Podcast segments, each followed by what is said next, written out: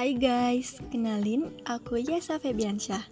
Ini podcast pertama aku dan di sini aku bakal ngomongin tentang pariwisata khusus buat kalian yang seneng banget jalan-jalan dan traveling.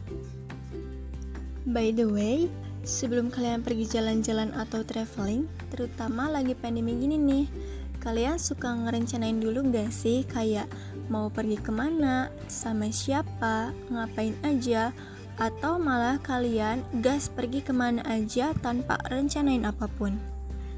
Nah, dari pertanyaan aku tadi, pasti kalian udah bisa nebak dong aku bakal ngebahas apa di podcast kali ini. Jadi, sebelum kalian pergi jalan-jalan ke tempat yang jauh dari rumah kalian, kalian harus tahu dulu nih tentang Visitor Planning Strategis atau singkatnya VPS.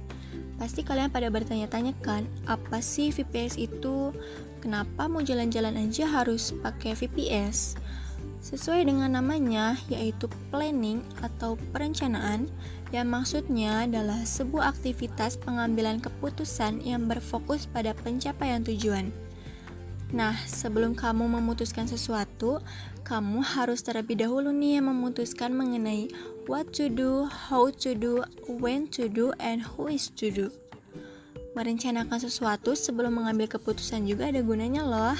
Yang pertama, kita bisa mengurangi resiko ketidakpastian, efisiensi waktu dan tenaga, dan dapat memberikan arahan. Pasti kamu gak mau kan kalau lagi jalan-jalan tapi malah bingung mau ke mana ngapain aja jadi kalian malah mikir di tengah jalan dan waktunya malah kebuang. Atau kalau di bahasa Sunda mah luntang lantung terjelas dan jadinya malah gagal jalan-jalan deh. Dalam VPS sendiri ada empat aspek yang harus kamu tahu. Yang pertama ada zoning, carrying capacity, LAC, dan ROS apa ya itu kira-kira? Kita bahas satu persatu yuk Zoning atau bahasa Indonesianya zonasi adalah strategi pengelolaan lahan yang dapat diterapkan pada skala spasial yang berbeda, misalnya dalam kawasan lindung dan di skala lokal nasional.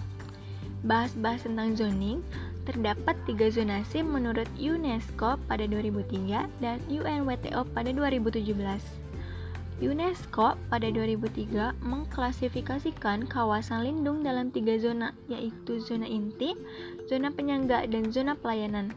Sedangkan UNWTO pada 2017 membagi zonasi kawasan lindung menjadi strict protection, wilderness, dan tourism. Setelah mengkaji aspek zoning, ada juga carrying capacity atau daya dukung. Ini merupakan salah satu teknik yang paling sering disebut dalam literatur perencanaan pariwisata. Nah, di dalamnya ada empat tipe. Yang pertama, ada daya dukung ekonomi, daya dukung psikologis, daya dukung lingkungan, dan juga daya dukung sosial. Ada banyak faktor nih yang mempengaruhi daya dukung destinasi pariwisata, di antaranya tingkat kunjungan wisatawan dan tingkat pengembangan pariwisata dan infrastruktur pendukung yang ada. Selanjutnya ada LAC atau Limits of Acceptable Change. Jadi ini tuh konsep perencanaan yang memutuskan berapa banyak perubahan yang dapat diterima. Perubahan tersebut muncul karena adanya dampak negatif wisatawan pada kelestarian daya tarik wisata. Jadi sebenarnya LAC ini bertujuan untuk melindungi daya tarik wisata.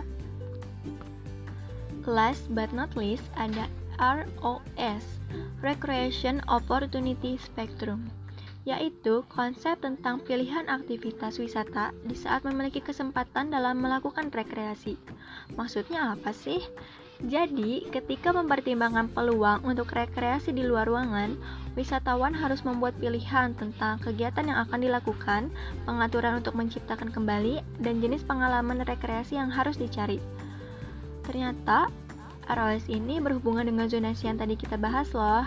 Jadi, zonasi itu sering banget digunakan untuk mengidentifikasi ROS ini. Wah, gak kerasa ya bahasannya udah selesai. Jadi gimana nih guys, sudah pada ngerti kan tentang konsep visitor planning strategis ini? Sebelumnya makasih banget nih buat kalian semua yang udah mendengarkan. Tetap semangat, stay safe and healthy guys. See you.